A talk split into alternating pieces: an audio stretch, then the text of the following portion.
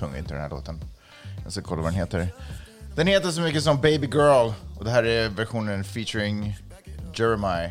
Och eh, han som gjort låten eh, heter, vänta, snart kommer den. Bryce, Bryce Vine. Där hade du det. Otroligt bra.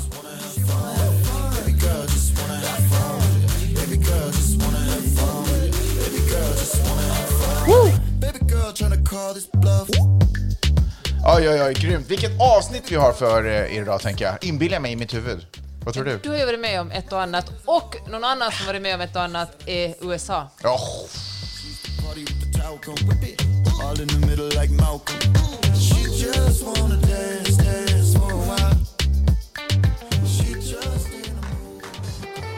Du lyssnar på Magnus och Peppes podcast.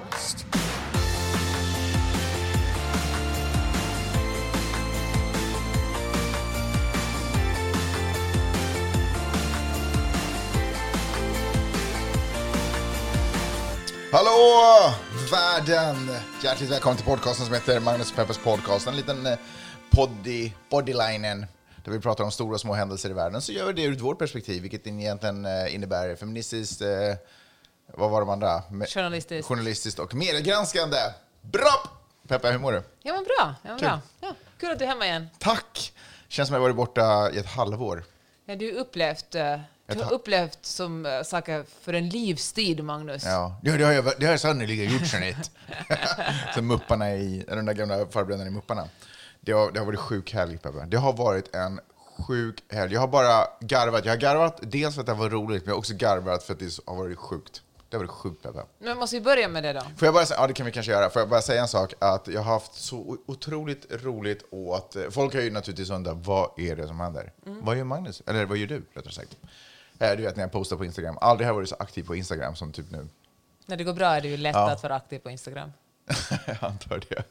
Eh, det man vill visa tråkiga delar av sitt liv, när man kan visa det liksom roliga bitar. Men, eh, men jag har haft det så otroligt nöje av att liksom låtsas missförstå folks frågor när de vill veta vad som händer. Så jag har ju typ inte ens sagt vad jag gör. Men är inte bara en asshole move? Folk bara, varför är du i Georgia? Jag bara, oklart.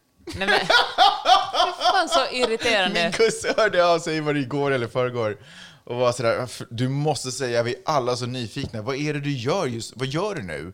Jag bara, ja men jag ligger i soffan och snart ska jag jobba lite.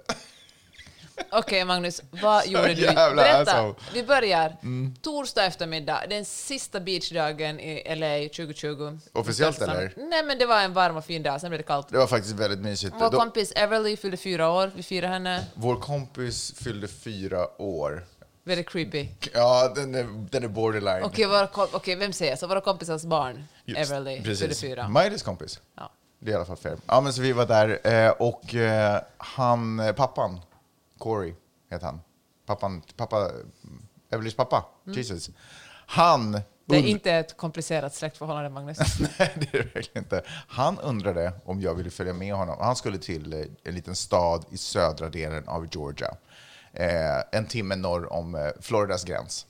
Och han frågade om jag ville följa med på några dagar. Därför att han höll på att producera en film. Eller han, han håller fortfarande på att producera en film där. Eh, och det var några inspelningsdagar där. Och på plats, eller i den här filmen så är en dude som heter Tyler, vill jag säga, och en kvinna som heter Janet. Och deras efternamn är Gretzky. Och eh, de är alltså, alltså pappan i den familjen är Wayne Gretzky. Och för er som inte har någon som helst aning om vem Wayne Gretzky är, google that shit. Alltså det är världens genom tiden. Han är Michael Jordan i hockey. Världens genom tiderna största hockeyspelare. Ehm, och Corey är en, eh, som då som min kompis, han är, ända sedan barnsben är han, han har alltid varit världens största Wayne Gretzky-fan. Skitsamma, han frågar om jag vill följa med. I den här filmen så är, alltså en av huvudrollerna är också Bruce Willis. För er som är unga är Bruce Willis en skådespelare. Jag förstår att det är massa sådär... Äh, det känns som att det här är en guidad tur på något gammalt museum, men jag förstår att det är väldigt mycket namn från... Äh, 80 Och det var väldigt mycket snack om när vi var där om Bruce Willis karriär och hur duktig han var i en, en tv-serie som heter Moonshine, Detective Bureau och sånt. Moonlight. Moonlightning. Moon, moonlightning, något sånt. Och Jag älskar den. Och det, Älskar den. Och det är 70-talsskit. Alltså det är Va? 70-tal. Nej, det är väl 80-tal? Borderline. Om det är 80-tal så är det inte på andra hälften. Anywho's, anywho's, anywho's. Han frågade om jag ville följa med dit. Jag bara, hell yes. Alltså självklart.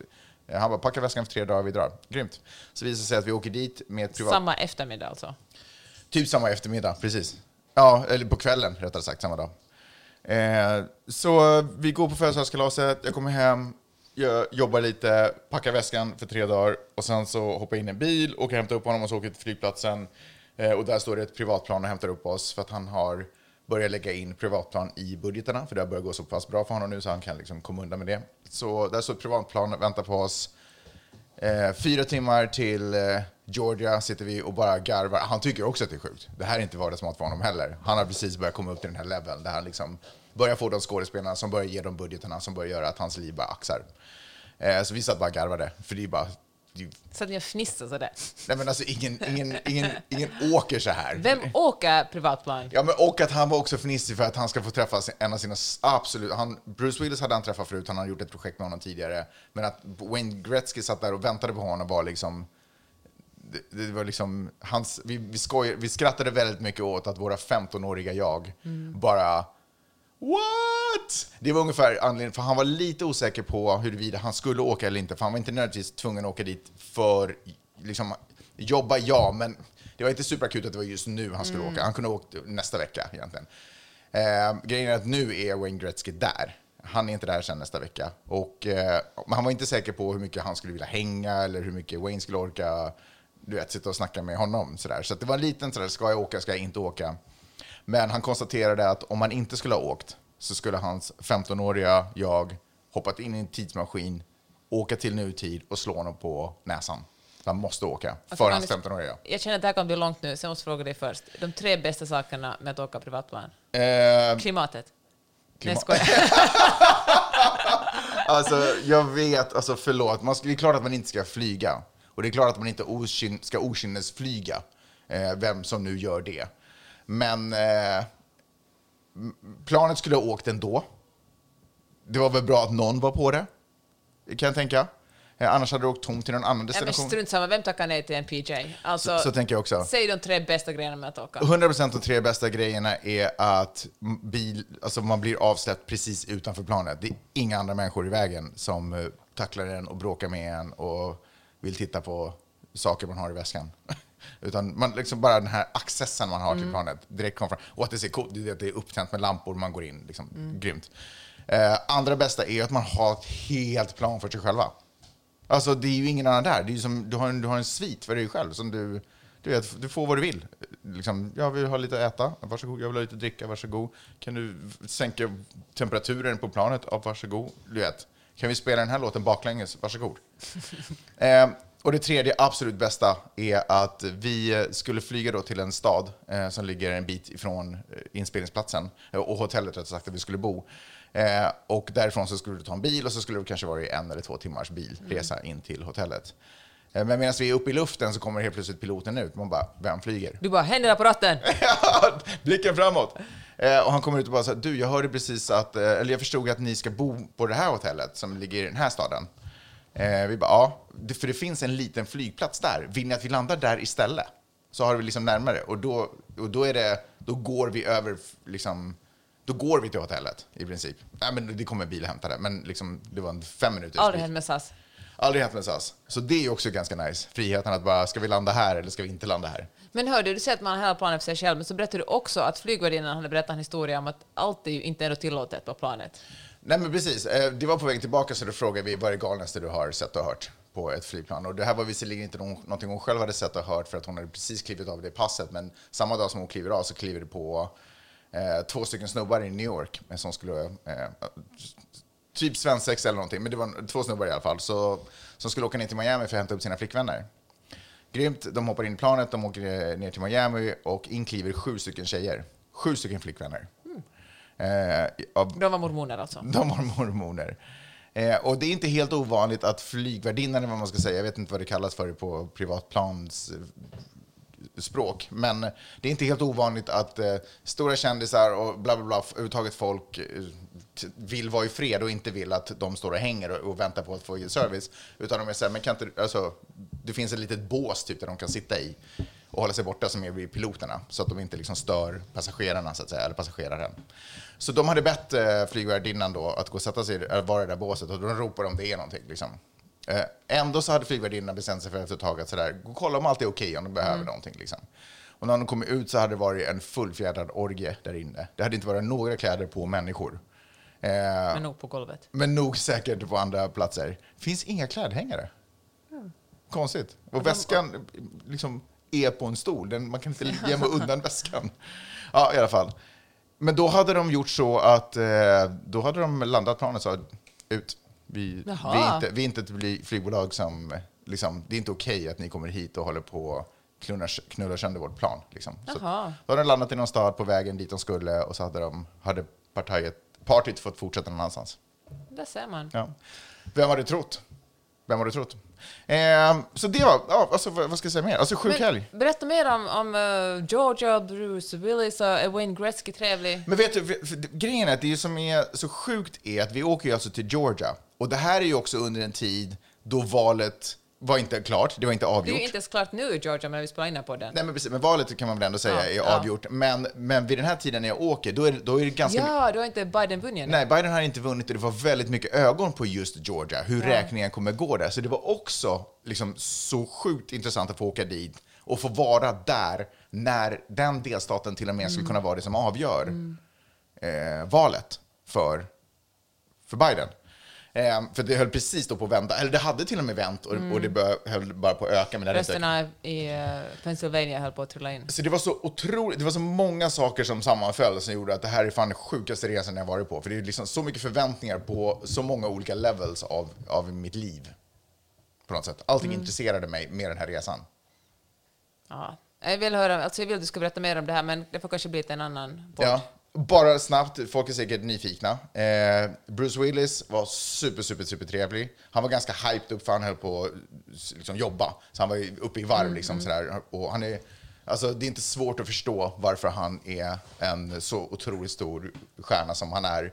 För det, det han lyckas på något sätt göra när han står framför kameran, man bara ser att det är magi. Och då ska jag också säga att han mår inte bra. Eh, han är, han, det verkar som att snacket var som att han håller på att bli ganska dement. Så utanför kameran, när han liksom han hade lugnat ner sig lite, då var det ganska svårt att typ få kontakt. Han försökte prata lite, men det var svårt för honom att få ut ord. Eh, och det var svårt för honom att liksom, men så att han, när han tittade på en så var, så var det liksom lite blankt i blicken ungefär. Så att han, Ehm, så han är inte hundra, han är inte sitt gamla forna jag om vi säger så. Och det var också på sätt och vis lite sådär, ja, lite, typ lite hjärtskärande att en stora actionhjälte, helt, du vet, vi tynar alla bort någonstans. Men framför kamerorna så levererar han fortfarande 100% guld. Eh, kul fakta är också, han var egentligen bara där, han får pengar för att göra close-upsen. Eh, så att man ser att det är Bruce Willis, alla de scener där liksom, man måste se munnen röra sig, då är han där och gör det. Sen drar han och sen är det en annan dude som liknar Bruce Willis som gör resten. Eh, Wayne Gretzky, så jäkla trevlig. Honom hade vi mest tid med. Eh, Bruce var bara där en dag, sen så var han klar och drog. Eh, cashade hem sina, vad det nu var, fem mille dollar. Eh, och sen så satt vi och hängde med, i, med Wayne Gretzky som inte var med på set egentligen, utan han bodde på samma hotell som vi gjorde, så vi satt väldigt mycket i lobbyn och pratade. Vi hade typ tre dagar där vi åt frukost tillsammans, lunch tillsammans och middag tillsammans och bara hängde. Jag är ju inte så otroligt djupt eh, insatt i hockey eh, som till exempel min polare var. Wayne who? Nej, men, nej, så var det verkligen inte. Men vi satt liksom, nej, men sådär, otroligt trevlig. Och där blev det nästan liksom absurt, för efter ett tag så var det som att han var han var bara liksom en farbror. Han är också kanske 60 någonting. Han var bara liksom en farbror. Och sen helt plötsligt slungas man tillbaka och vet, holy shit, jag sitter här och snackar med Wayne Gretzky just nu. Och sen så var bara han vanlig dude. Man satt bara och berättade historier, krigshistorier typ från sin hockeytid. Otroligt spännande. Och massa skvaller om andra kändisar som vi kanske kan återkomma till någon annan gång. Förlåt, jag har slösat bort 14 minuter av den här podden. Ja, nu får det vara slut på skryt om att du har Ja, privatplan. det var den sjukaste resa jag har varit på. Och vet du vad, Pika ditt liv. nej, det var det som var det coola. För vet du vad som på något sätt också var känslan av det här? Och det är att det här är absolut inte, det var garanterat första gången, men det är 100% inte sista gången en sån här resa görs. Och det kändes ganska nice faktiskt.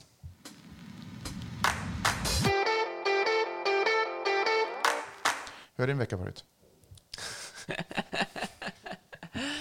Okej, okej, den har inte varit så händelserik, men det var fint. Gick det bra att vara hemma? Var barnen schyssta? Ja, barnen är väl aldrig schyssta, men eh, jag älskar dem ändå. Nej, men det har varit en bra vecka. Eh, det som mest uh, spännande som kanske har hänt i mitt liv är att eh, ja, men det har gått bra så här, professionellt Du sett. har ingenting att säga eller? Vänta, jag ska säga en sak Ja. faktiskt. Jag uh, talade ju med en podd tidigare om hur jag får sämre betalt än två Just det, stycken... vad har hänt där? Ja, men nu har jag skrivit den krönikan. Det Okej. Mm. är alltså för Hufvudstadsbladet. Nu sa jag det. Ja. Nej, men det den... Peppe! Ja, men jag sa det nu. Jag tänkte jag ska hålla det hemligt. Vänta, får, får, får, du säga, får du verkligen säga det, Peppe? Är du säker på att du vill göra det? Men jag är inte livegen heller. Nej, okej. Okej, men så här är det. Alltså, jag har jobbat för Hufvudstadsbladet sedan 2000, ja, men för koncernen sedan 2007. Mhm. Så alltså, det är många år. Men för anställd på Hufvudstadsbladet i några år och den här frilansar varit deras stringar i sedan 2014-2015. Och så har de mage att betala mig mindre än manliga kronikörer. Alltså det är väl inte okej? Inte okej. Och jag har talat med, jag har talat med ledningen, jag har sett vad är grejen här, de har gett mig tre olika förklaringar. Och eh, nej, men de vägrar höja mitt arvode. Och det, jag måste säga det är ju jättesmå summor det handlar om. Så det skulle vara ganska lätt för dem att säga herregud, det här var ett misstag, vi höjer ditt arvode. Men de har sagt nej och gett mig nej, men flera olika, det har liksom inte varit sådär, men du måste stå Peppe, det här är den glasklara anledningen. Utan det varit massor av olika anledningar. Alltså man pratar om små summor, men jag skulle ändå säga att det är ju middag för en hel familj, eh, middag för hela vår familj under en ganska lång tid. Ja, i alla fall. Så nu har jag ansett att det enda jag kunde göra var att skriva min nästa krönika om det här. Om hur Hufvudstadsbladet betalar mig mindre än manliga krönikörer. Okej, Och den kommer ut på fredagen, men jag vet faktiskt ännu inte, jag skickade in den igår så jag vet De faktiskt har inte sagt om... någonting. Nej men de bara, vi återkommer om vi har några frågor. Alltså, De kanske bara dumpar Nej, vi hade, vad hände? Nej, vi hade inga frågor. Ja. Vi, vi kommer inte publicera den. Så att imorgon när jag vaknar, så då ska vi se om eh, de har kommentarer kring den. Då, vet du vad de kommer att säga? Ja. De kommer att säga så här, de kommer att svara, jag tror de publicerar den faktiskt. Eller fan vet jag, vet ju verkligen ingenting nu för tiden, för jag var bombsäker på att de skulle säga herregud, vad håller vi på med? Det är klart vi ska höja ditt arvode, så får lika mycket som killarna. Och det gjorde de inte, så jag vet verkligen ingenting. Men vad jag tror att kommer att hända är att eh, det kommer att vara så här, ja, de andra krönikörerna fick också mindre när de började skriva. Då, det sagt jag skrivit för tidningen i, i jättemånga år. Men och jag kollade, den ena kronikören eh, fick så lite först att han slutade skriva, och sen började han skriva på nytt och då fick han ett högre arvode. Och den andra manliga kronikören, han har fan haft samma arvode, samma höga arvode sedan 2014. Så han har egentligen gått ner i ersättning med Ja, med inflationen. tanke på inflationen. Men det kommer de säkert att säga. Men, eh, ja, men det ska bli spännande att se vad som händer. Jag är då peppad. Jag tror att de kommer, jag undrar om de kommer att säga upp, de kanske inte genast nu, men de kommer att säga upp Ja. alla mina andra uppdrag. Där sakta, inom- sakta men säkert kommer de börja checka av saker. Jag tror, jag tror att vi är klara med det här. Vi försöker hitta någon annan. Ja. Men det kanske, alltså, måste, betyder det här att jag måste göra slut med hela Finland? Peppe, kanske det är så. Ja. Ja, ja. Strunt samma, men nu vet ni i alla fall att det är Hufvudstadsbladet som inte betalar kvinnor lika mycket som män. Kom ihåg vad ni hörde det först. Är ni redo? Är ni redo? Är ni redo? Är ni rädda? Är ni redo?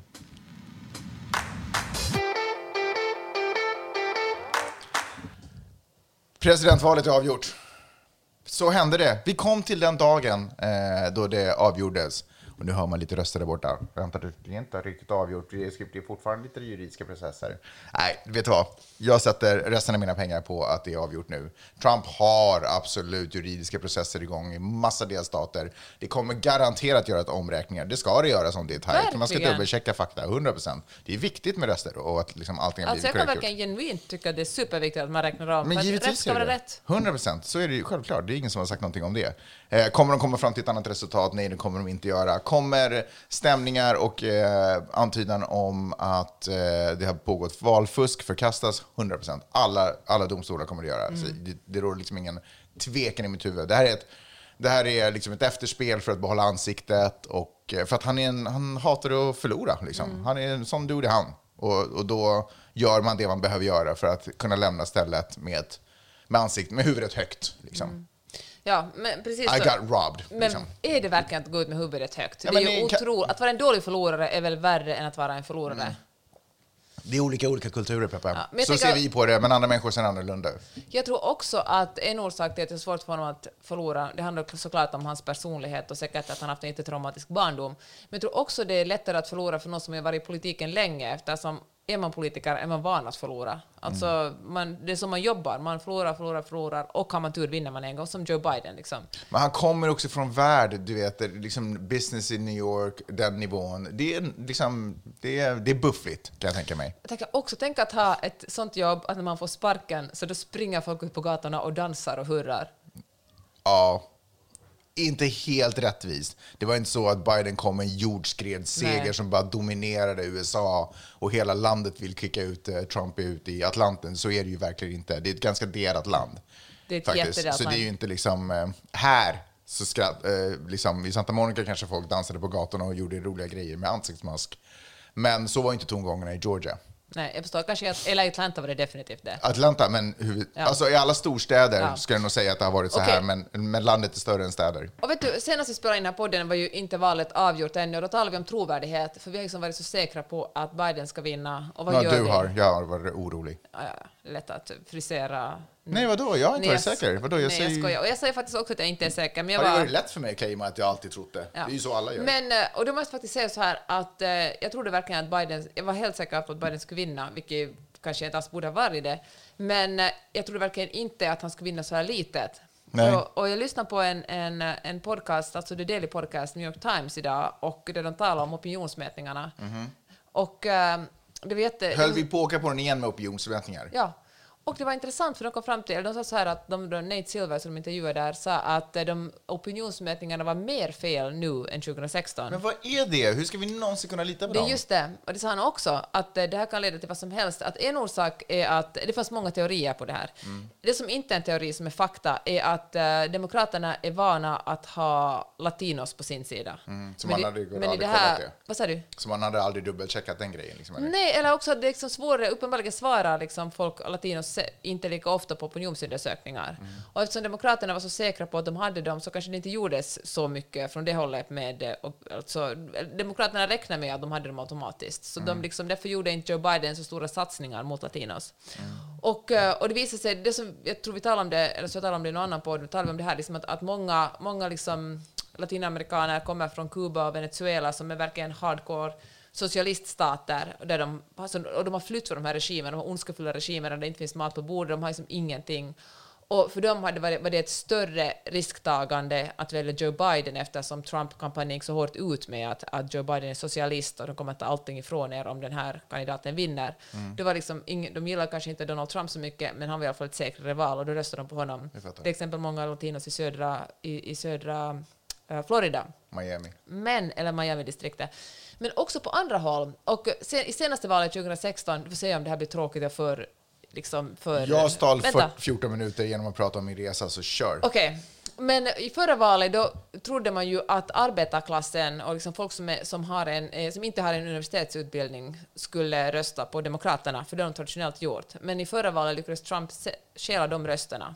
Alltså o, o, folk som inte är Mm. Det outbildade. var ju typ hans röster. Men, ja, men folk med liksom inte högutbildade Mm. röstar på honom. Och de hade man räknat med i, det här, i de här opinionsundersökningarna och det visade sig att väldigt många av dem, och speciellt kvinnor, hade gått över från, från Republikanerna till Demokraterna och liksom valde bort Trump och valde istället eh, Biden. Men eh, en teori är att uh, arbetarklass uh, latinos hade tagit deras plats nu, de här outbildade eh, vita männens plats. Och i sin tur valde att rösta på, på Donald Trump.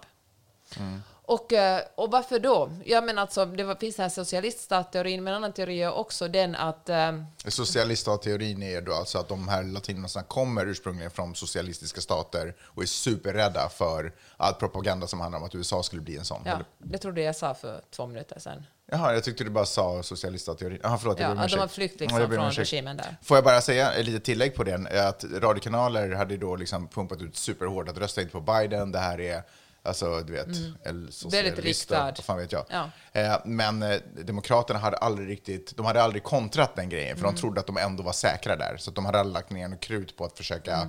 säga att det här är smutskastning. Okej. Trodde att jag sa det också. Men du det Jaha, gud, förlåt. Okej, men om Du, du... måste ju förstå att jag är fortfarande någonstans Du i Georgia tänker, på ja, planet. verkligen med Bruce Willis. Ja, okej. Men eh, okej, men då funderar jag på varför är det så här.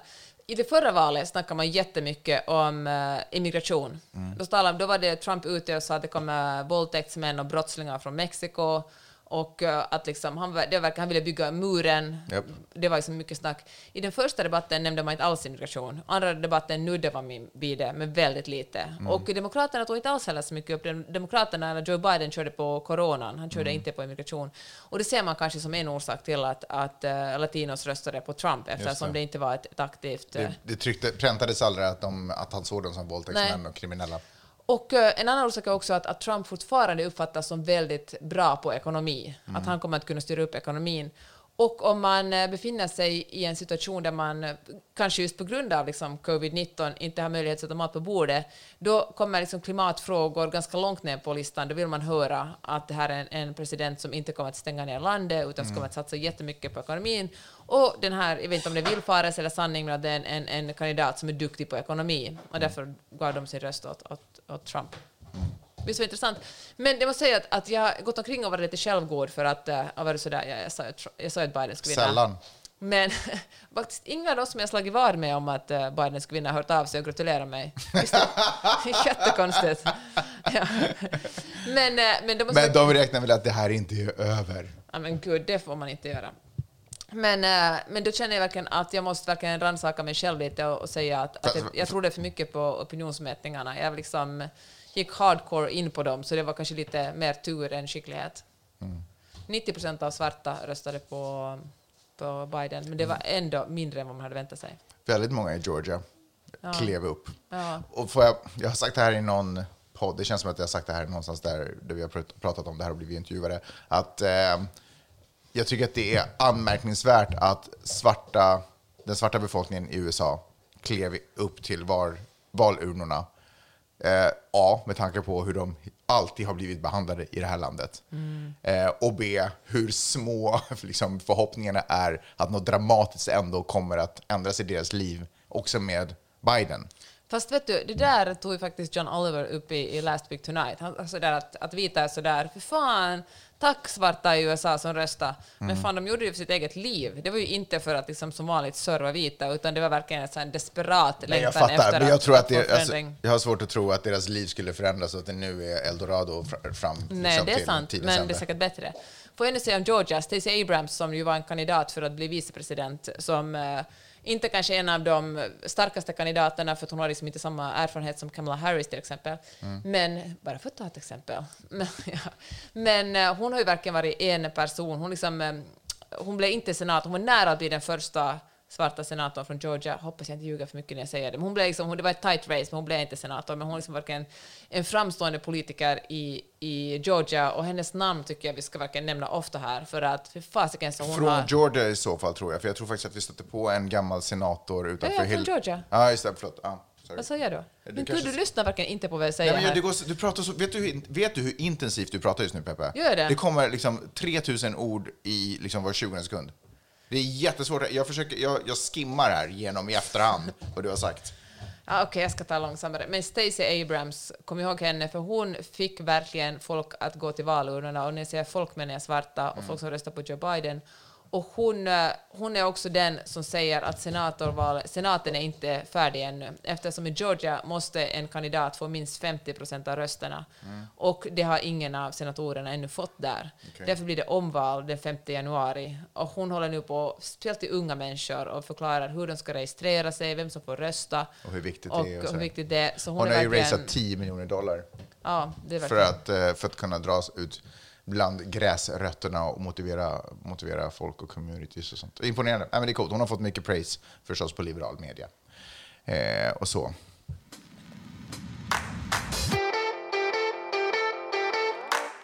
En grej som jag tyckte var otroligt fascinerande som jag skulle prata om, och det är, alltså jag kände nästan att det var typ en, en strategi, för plötsligt under, och nu pratar jag egentligen om valdagen, eller valnatten, eh, det är att, eh, att Fox News som nästan enda nyhetsmedia, nej, som enda nyhetsmedia, är först ut och ger staten Arizona till Biden.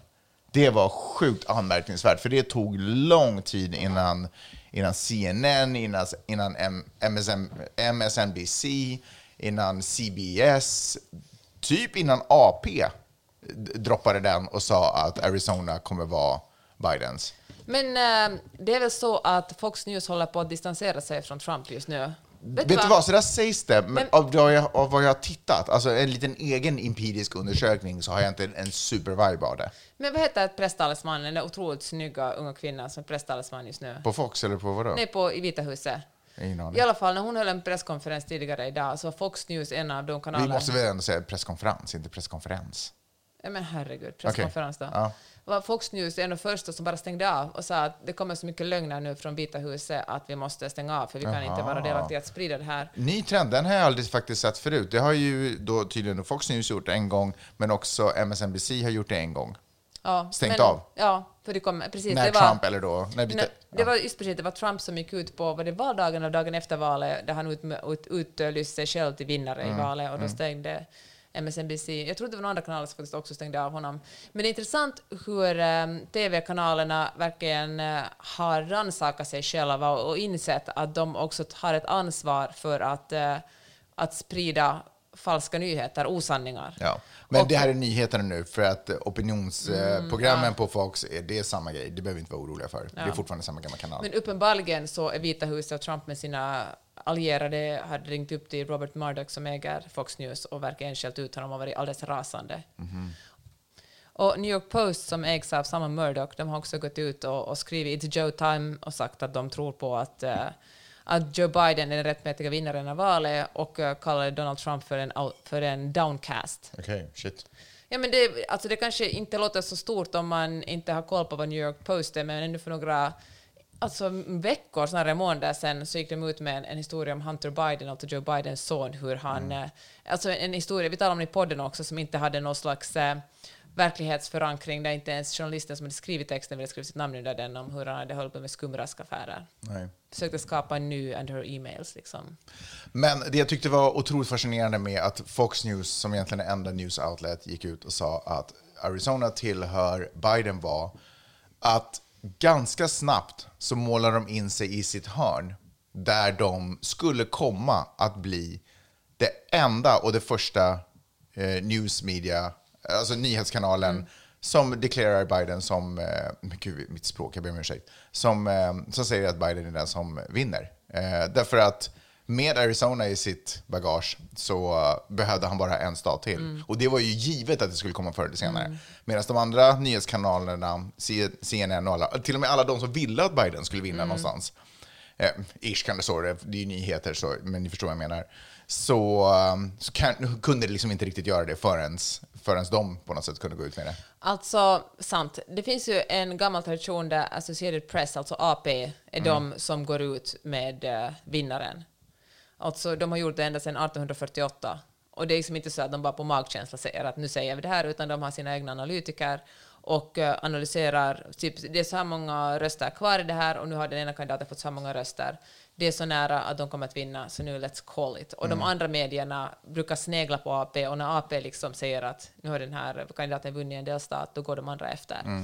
Och jag tänker att det här är viktigt att säga för att bland annat uh, den nuvarande presidentens uh, personliga advokat Rudy Giuliani, han uh, stod utanför en han stod utanför Four Seasons Landscaping och, i, i Philadelphia och sa att äh, låtsades vara chockad över att, att lamestream media är den som på något sätt har bestämt vem som ska bli presidenten.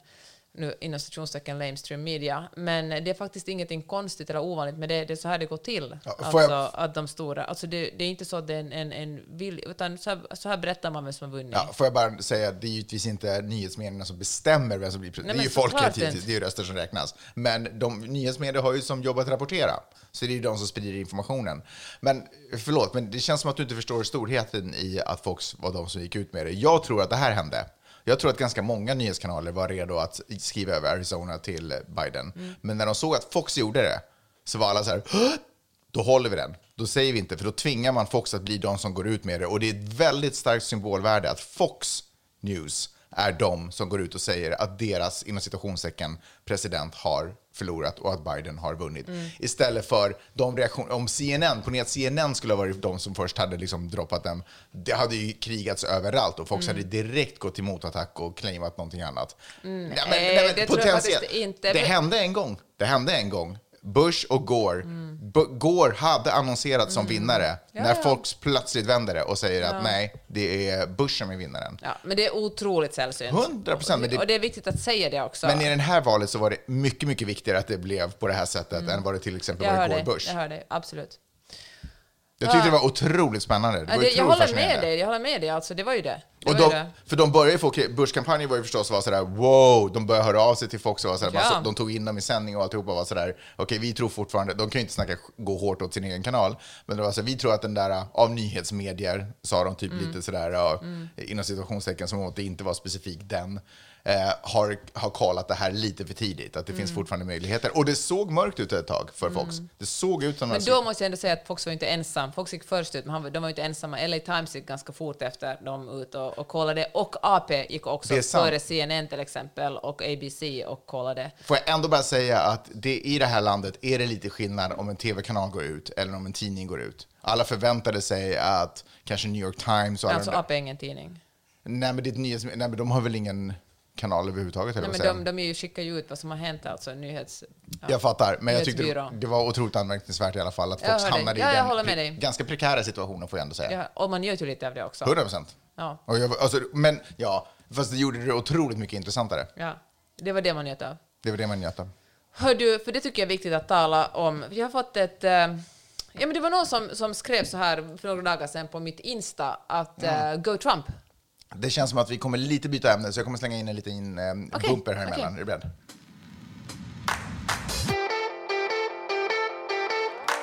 Gud, vi, vi, jag känner att vi manglar på från olika håll och kanter här. Det här måste vara så tröttsamt att lyssna på. Jag vet, men det är roligt att tala om det, Magnus. Jag tror att jag kommer dra ut spåren lite så att det går lite Men kan långsammare. du göra, jag har så dåligt samvete, för jag vet att Tamara lyssnar på det här. Nej, men, Och eh, Jag förstår, hon jag håller förstår. på att lära sig svenska, det är ju otroligt coolt bara det liksom. ja, Och eh, så håller jag på och bara, jag men, tala jättesnabbt. ja, du är lite som, eh, nu har inte du någon känsla för vad det innebär, men du, har, du är lite som den här, eh, papik, nej inte papegojan, hackspetten i Kalle Ankas julafton. Okej, nog med förolämpningar. Hör du, eh, jag hade någonting som jag tror är troll i mitt Instagramflöde. Ja, har vi lämnat, vänta, har vi lämnat Biden? Nej, nej, vi kommer till det handlar Ja, om ja, det. okej, ja. Och eh, jag, Du jag, tror att det var ett troll? Nej, men sen insåg jag att det var ett troll. Så det kanske var en vett? Ja. Men det var någon som skrev Go Trump och då tänkte jag att det var någon som är ironisk eller liksom, men fan alla blommor ska få blomma, man får väl liksom vara svensk du? Alla- värmlänning. Alla blommor ska väl få blomma. Ah. Också i mitt Instagramflöde, eller mina Instagram-kommentarer. Det är fint. Så jag kommenterade inte så mycket kring det och sen började den här personen bli liksom aggressiv mot andra kommentatorer. Så tänkte jag, vad fan håller Ja, det är på med? tråkigt. Och, eh, och sen började det vara sådär, men att eh, Kamala Harris och Joe Biden, eh, alltså de är rasister och mycket värre för USA än Donald Trump och du är en dålig journalist som har styrt ta ställning för du liksom, hur kan, jag rapporterar ju för SVT också, och hon säga att det är så en sån skam att du, ska, du som är så parti, partisk ska rapportera för, för SVT. Mhm. Och hon har ju en poäng där, att uh, alltså, man ska ju verkligen, som journalist är det ju ens jobb att vara obunden. Mm. Men eh, jag försökte förklara det här för henne, men det gick inte igenom och till slut blev hon så aggressiv så jag var tvungen att blocka henne. Fast får jag bara säga en sak? Alltså, det är ju inte olagligt att ha en åsikt. Nej. Alltså, sen har man ju som ett yrke och då går man in i en yrkesroll. Men och då sköter man, exakt det alltså, är förklarar jag för henne. Det är Vet som du att det här? brandmän aldrig får tända ljus. Nej. Alltså, för att, men du jobbar, ska du verkligen hålla på med eld, du som är brandman? Men, Ja, men exakt förstår du att det. jag också kan gå in i en yrkesroll där Ja. jag släcker eld istället för tänder, bra- äh, tänder brasor? Fan Magnus, jag får ge den där till dig. Det var faktiskt ganska bra jämförelse. Och jag tror faktiskt också på transparens, alltså att man förklarar... Transparens, vi måste lite jobba med Men, låt, men gud, alltså jag får kritik från finskt håll att jag är för rikssvensk och så kommer det från dig, hatkommentarer. Shit, och så får du lägre betalt. Shit, av världen, Hufvudstadsbladet ifall på- missade. världen är på dig. Ja, fan det är inte lätt att vara peppe om vi säger så. I alla fall. Men precis som du säger, jag tror på transparens också. Man förklarar att, att, jag, att också journalister är människor, men de har, ett, de har ett jobb och då strävar... Jag vet att, Donald Trump och många andra människor har försökt liksom undervärderar journalistikens betydelse. Men jag kan verkligen säga att jag har jobbat inom den här branschen i, i 15-20 år och folk är verkligen jätteduktiga och tar sitt jobb på fullaste allvar. Det finns ingen liksom, agenda hos journalister att, att uh, komma med till en politisk, uh, eller att stå bakom en viss kandidat. Och jag tänker att många, kanske på grund av Donald Trump, för Donald Trump har ju utlyst journalister som sina fiender, för han har sett att varje gång en journalist... En viss kategori journalister får man väl ändå säga. Han älskar ju Fox and Friends. Okej, ja, hur som helst. Men det är ju också en Nej, diskussion. man hatar ju det är ju. Det är ju inte granskande journalistik, Nej, nej, man- utan det är en diskussion. Liksom. Man älskar ju Fox också, han hatar ju motståndare, det är Ja, det. fall. Oliktänkare. Men jag tycker att det är problematiskt om man inte förstår skillnaden mellan att bli granskad och att någon har en personlig vendetta mot en. Och jag tror att det är den Mm. tankevurpan som många kanske gör också, att, att journalister när de granskar någon, och folk säger men varför skriver journalister aldrig någonting positivt och, och glatt? Men alltså det är journalisters roll att granska makten. Gå och titta, är det här makten korrupt? Finns det nepotism här? Är det någon som gör fel? Vad säger lagen? granska företagsledare och liksom berätta det för allmänheten. Hej, ni köper bensin från ett företag som skyvlar ner eh, regnskog i Borneo. Det är, liksom, det är journalistens ro- roll. Ja. Det handlar inte om, om att de vill, är elaka människor som vill liksom förstöra andras liv. Men vänta, ja, eller vill du säga någonting Nej, men jag vill verkligen säga det, för jag tycker att precis, man hör ju ofta så här, det är alltid bara negativa nyheter. Nej, men det här, det här är inte liksom det här är inte en comic book som vi håller på att försöka skapa för folks underhållning. Folk lever nu, vi lever just nu i en värld där allting på något sätt ska, ska paketeras som underhållning. Det är inte vad journalister huvudsakligen gör. Man kan vara underhållningsjournalist också i och för sig. Men man, men man försöker titta på världen och, betrakta, och, be, och beskriva den. Så att ni vet. Så att inte ni personligen behöver ringa politiker och undra vad fan de håller på med. Precis, eh, men exakt, så ni vet vem som ska rösta på, så ni vet vilka Exakt. företag ni ska handla hos. Som Så ni att vet, ni kan tända ljus och släcka dem sen när det brinner. Ja. Som det var ett företag som heter Apotea eller något sånt här till Sverige som tydligen inte låter sina anställda gå på toaletten eftersom de tycker att det liksom är för mycket tid av deras arbetstid. Ja. Utan journalister skulle ingen veta om det här och fortsätta handla av det här företaget. Och får jag också säga en sån här sak, att man bara åh, journalister bla bla bla gör så här och så här, men sen så händer det någonting på din arbetsplats, vem fan är den första du ringer? Ja, det är inte HR-avdelningen. Nej, exakt. Ja, hur som helst. Och då vill jag bara klargöra också det här att granska att när man som journalist skriver om Donald Trump, det är alltså inte hans politik som jag faktiskt inte kan tycka är speciellt bra. Det är liksom, ideologiskt sett ligger Donald Trump och republikanernas politik väldigt långt från mig. Men att kritisera Donald Trumps förakt för demokratin och hans rasism och hans eh, nepotism och hans eh, utnyttjande, hans, liksom, hans utnyttjande av sin e- egen ekonomi genom att liksom använda sin presidentposten för att göra sig själv rikare.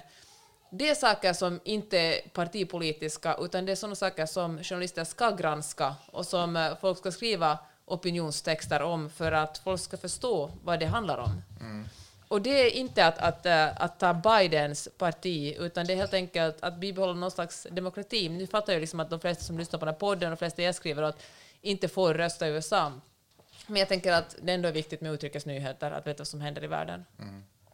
Så är det. Well spoken.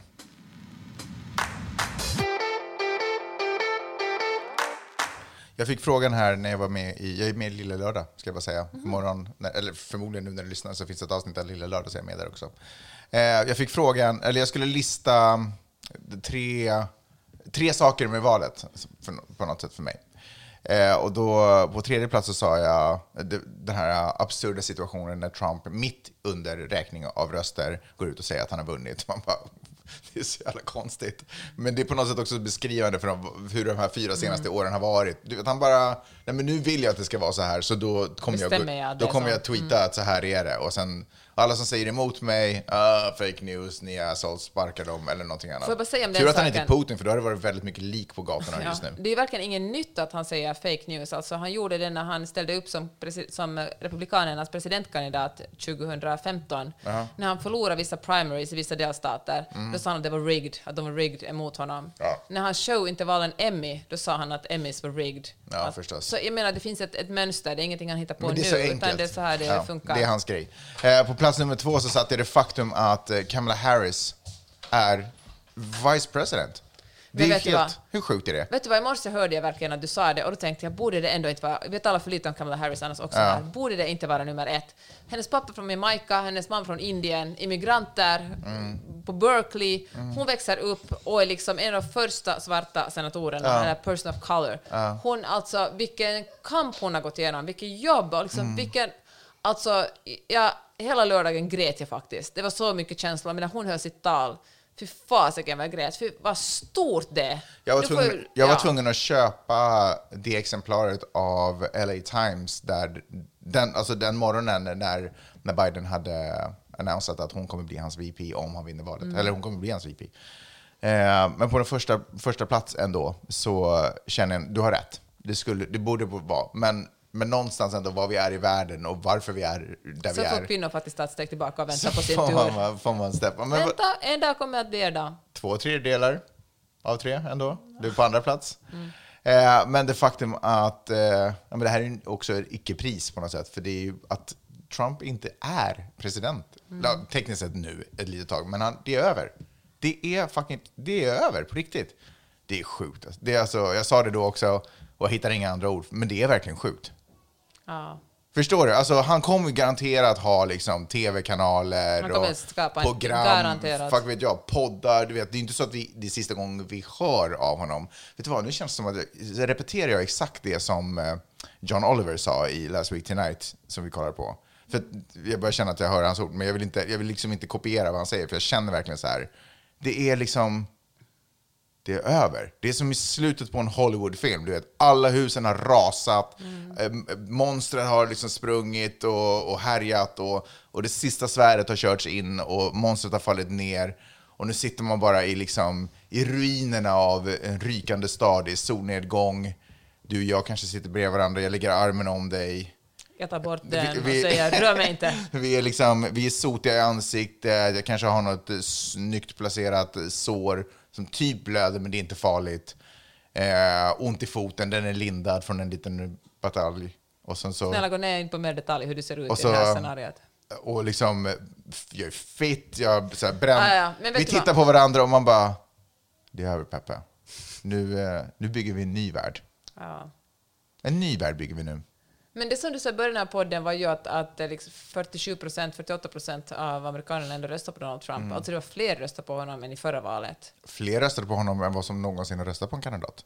Förutom Biden nu då. förutom Biden. Ja, för det var så otroligt stort valdeltagande. Det är ju sjukt också. Ja, det som faktiskt också, får man slänga in lite statistik, men ingen, det är otroligt eh, sällsynt i USA att en sittande president inte blir omvald. Det händer faktiskt nästan aldrig, Mm. Nej. om vi ska komma med rekord. Men, ehm, ja, vad ska du säga?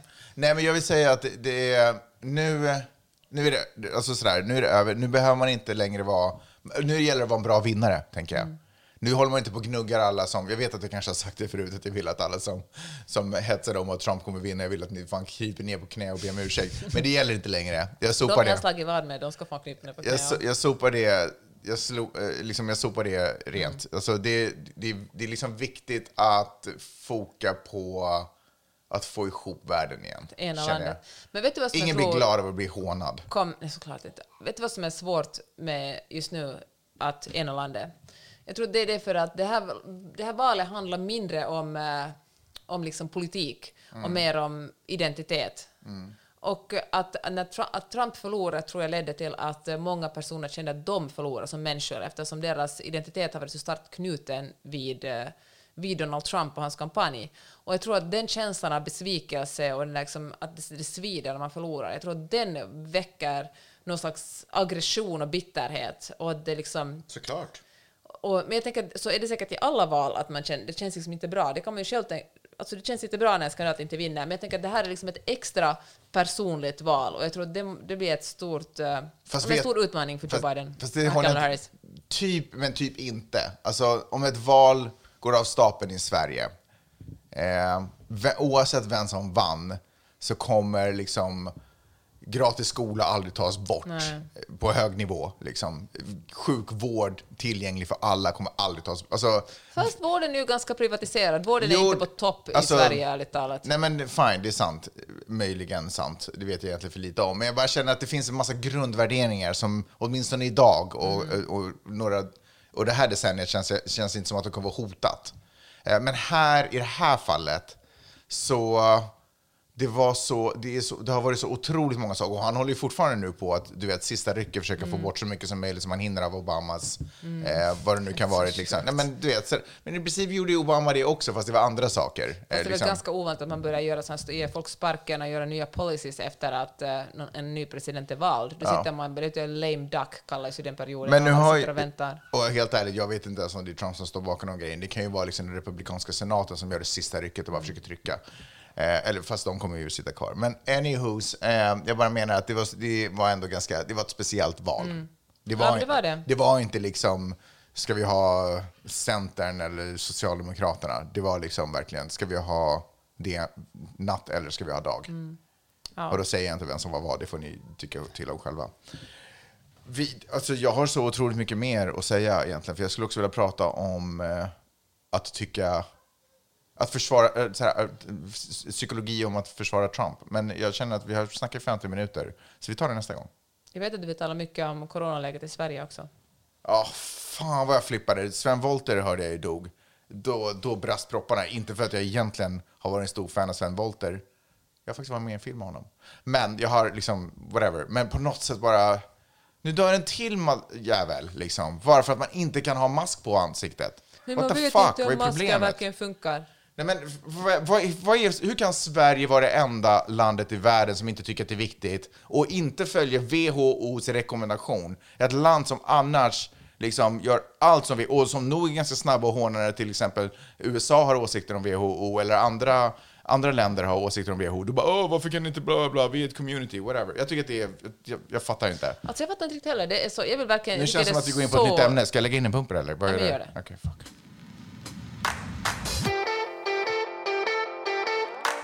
Okej, coronaläget i, eh, i Sverige, ska vi snacka om det? Men kan vi bara snacka kort? För jag tycker det är så Men vi, tråkigt vill vi sluta på den här, det. för jag blir verkligen superarg. Jag tycker det är så jävla nonchalant. Jag kan bara säga en kort sak om ansiktsskydden. Okej. Alltså jag tycker det är ju inte världens roligaste grej. Man glöm, jag glömmer ju fortfarande, vi har haft ansiktsskydd här sedan april typ, men jag glömmer fortfarande när jag ska gå ut. Det är inte så kul. Men det finns någonting som verkligen provocerar mig jättemycket för, i svenskars hashtag, inte alla svenskars attityd gentemot ansiktsskydd. De bara, men det finns forskning som visar att de inte hjälper alls. Men hur kan resten av världens forskare hävda att de hjälper? Och hur kan, alltså med ren... Alltså Det jag- finns verkligen forskning som säger Ja. att det hjälper jättemycket också. Det är inte så att det är... Men jag, tänker, jag fattar det att man bara, men åh, men vad petar man sig i ansiktet och ska man ta av och på den? Men okej, fine. För det första, nu är jag verkligen ingen expert, men jag läser ganska mycket. För det första är det väl jätteovanligt att bli smittad av covid genom att röra en grej och sen röra sig i ansiktet. De flesta som blir smittade blir av droppsmitta, att någon hostar på dem, att man befinner sig i ett tajt utrymme med andra människor som är sjuka. Mm. Och då tänker jag så här, om man har ett tygstycke framför sitt ansikte och en annan person också har ett tygstycke framför sitt ansikte och man hostar, då är väl ändå risken otroligt mycket mindre att de här dropparna når den andra personen. Jag menar, till och med om den här masken har ett hål i sig, är de, det, ändå, det skyddar ändå, och speciellt om en andra person också har det. Och så tänker jag på det, det var någon som, förlåt nu citerar jag någon som skrev på det till Instagram, men att Sven Wollter borde ha haft ansiktsskydd då. Ja, men för Men- gud, det. Ja. Men det missförståndet är ju, nej, du, nej, det är inte Sven Wollter, det är alltså du som ska skydda andra. Det är inte för din egoistiska, alltså det är inte för att skydda dig. Mm. Ja, vi ska alla skydda andra. varandra, det är Ja. ju det det handlar om.